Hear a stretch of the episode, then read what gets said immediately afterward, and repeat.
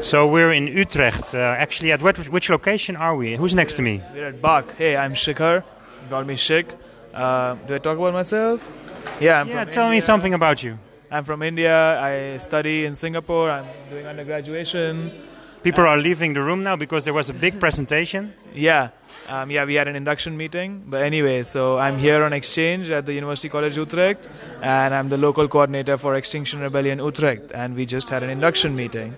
There was also a national uh, event, also a national meeting. Um, a A little bit national, uh, this, about the national groups. today. Yeah. Um, yeah, we also talked about how to get involved with national groups and what you can do at that level. I mean, an induction meeting is for everyone who wants to get involved with Extinction Rebellion in any way. You don't have to be dedicated to simply a local group or simply one group. Um, and everyone who comes for an induction meeting is encouraged to join the national team and get involved there and make stuff happen at the level that it really does matter. Yeah, actually, this is a young group, but it's an action group that really works to make uh, a statement. Yeah, absolutely. I mean, we in the Netherlands we are maybe four months old, but we only started doing actions in the end of February, so we are less than yeah, like two and a half or so. And internationally, we only started in end of October or uh, no, end of September. So no, end of October. Yeah, in November. But the Extinction Rebellion Week is also uh, happening, and these th- things are really making um, a statement to the governments, to people Yeah. around. To so, what's happening? What, what did you do? So during International Rebellion Weeks in the Netherlands, we had 10 different actions. We blockaded roads, we blockaded buildings like Shell who are killing us. We had die-ins where we expressed solidarity with people and animals that are dying and creatures that are dying and that have been dead. We've done a lot of different actions and we've got a lot of support from people in the Netherlands and also in other countries. Um, Ireland and England have already declared climate emergencies, so we really have a lot going on. Yeah, because climate change is really big on the on the agenda. That's one of the most biggest statements nowadays. We have to focus on, of course. Um, you have nine groups, nine different groups uh, working together. Also, it's really transparent, but also changing a lot. Yeah. A lot of students work together. Yeah. How does this function? Um, so we have a sociocratic model of operation where every group has equal responsibility, equal accountability, and equal right to do things. So it's very transparent where we have groups based on interests. So we have one group called, for example, outreach and training, one called media and communication, and each of these groups, um, yeah, they have regular meetings. They talk about what to do, but they also also communicate within each other. So um, with other groups and together, it's it's just it's simply about transparency and making things happen. Is this getting bigger and bigger because uh, it's globally? It's also going to uh, all these different nations, different languages. Yeah. Uh, the United Nations probably has already seen a lot of it. Absolutely. I mean, I'm from India and also from Singapore in a way, and in both those countries also, I'm leading efforts in making Extinction Rebellion a thing. So it's definitely going global, going global. Um, and yeah, a lot of complications are coming up because the same uh, same strategy of civil disobedience that works in the UK or the Netherlands, for example, really does not work in India or in Ghana. So yeah, we are coming up local globally, but we're also coming up with more and more challenges. We talked about SDGs, the Sustainable Development Goals, also known from uh, the United Nations, of course, that there are many things to do because of this climate change. Um, but what are the main goals for you? What is the main statement from this organization? Um, so, first of all, Extinction Rebellion is not an organization, it's a movement. It's comprised solely of people who comprise it. Um, we don't have a registered office. And we have um, three main demands. Um, that, yeah, the first is that we want all countries to tell the truth about the climate and the ecological emergency to the citizens, not mislead their people anymore and declare a climate emergency. We want them to go carbon net zero by 2025, which means reduce all carb- go zero carbon emissions by 2025. And we want them to um, transition to a better future with the idea of citizens' assemblies, which are basically assemblies where people from all walks of life are brought together to talk about issues that concern all of them. And it's those people who make the decisions or make recommendations, and not the people in power or not the big businessmen or those who do not have the interests of the entire population at, at heart. Well, last question, because I know that you really want to make a job of this and maybe a five year task of you to do something real big. What if, uh, like, organizations like Facebook, Google, Amazon, they want to support you and you can do like a, a five year task on it? What would be your task in it? Uh, I mean, I, I I wouldn't accept the support of big organizations who are already like operating in a way that is harming our planet. Um, but yeah, I mean, I would definitely be more than happy if a conscious organization decided to sponsor me to work full time on XR because I'll be doing that anyway. Um, if, if someone sponsors me, the better. Then I don't have to worry about where my next meal comes from. But yeah. And what would be your task? What would be the way you will work for the next five years? Uh, just going to places, going to countries, making making XR bigger, organizing talks, organizing events, growing the movement bit by bit, and reaching the critical mass that is required for change. Yeah, because there's a lot to do. Thank you very much and good luck. No, no worries. Thank you.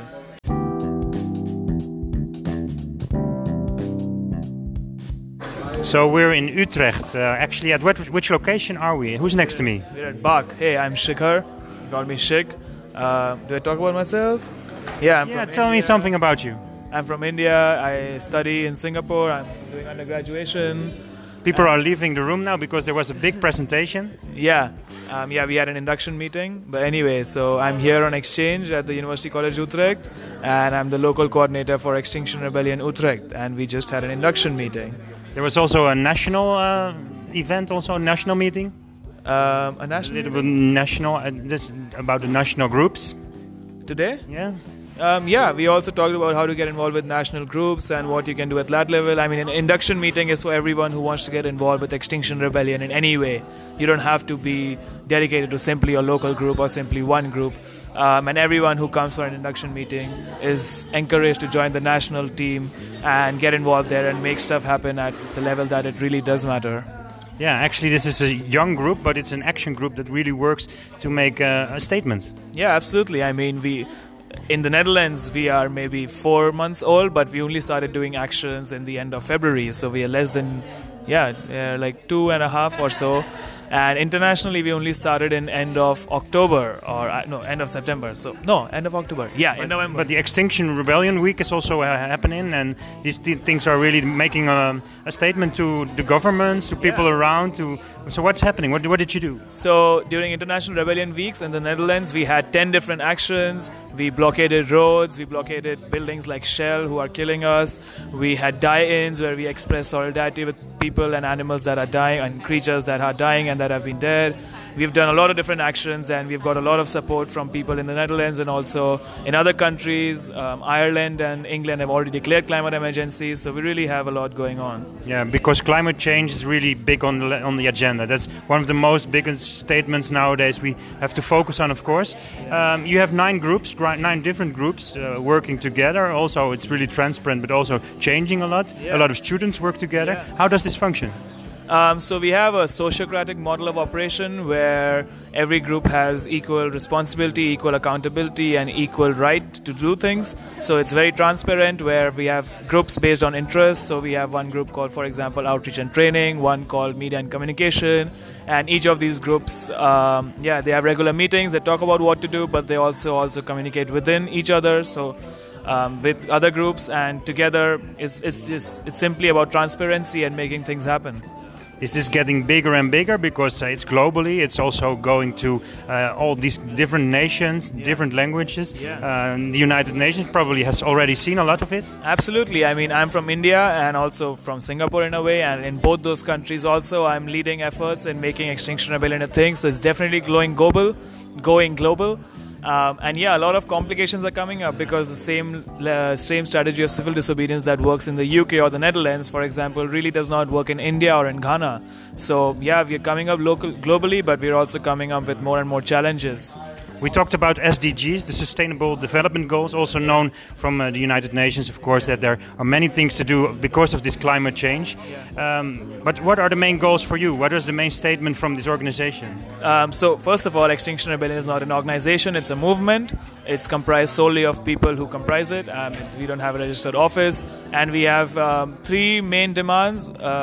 That, yeah, the first is that we want all countries to tell the truth about the climate and the ecological emergency to the citizens, not mislead their people anymore and declare a climate emergency. We want them to go carbon net zero by 2025, which means reduce all carb- go zero carbon emissions by 2025.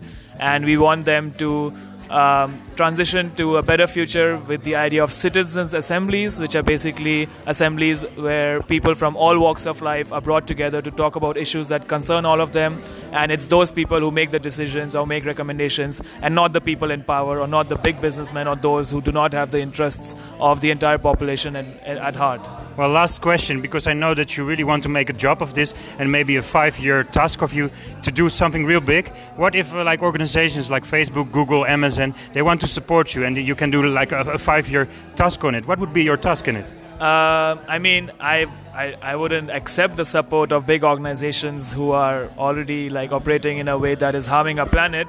Um, but yeah, I mean, I would definitely be more than happy if a conscious organization decided to sponsor me to work full time on XR because I'll be doing that anyway. Um, if, if someone sponsors me, the better, then I don't have to worry about where my next meal comes from. But yeah. And what would be your task? What would be the way you will work for the next five years? Uh, just going to places, going to countries, making making XR bigger, organizing talks, organizing events, growing the movement bit by bit, and reaching the critical mass that is required for change. Yeah, because there's a lot to do. Thank you very much and good luck. No, no worries. Thank you.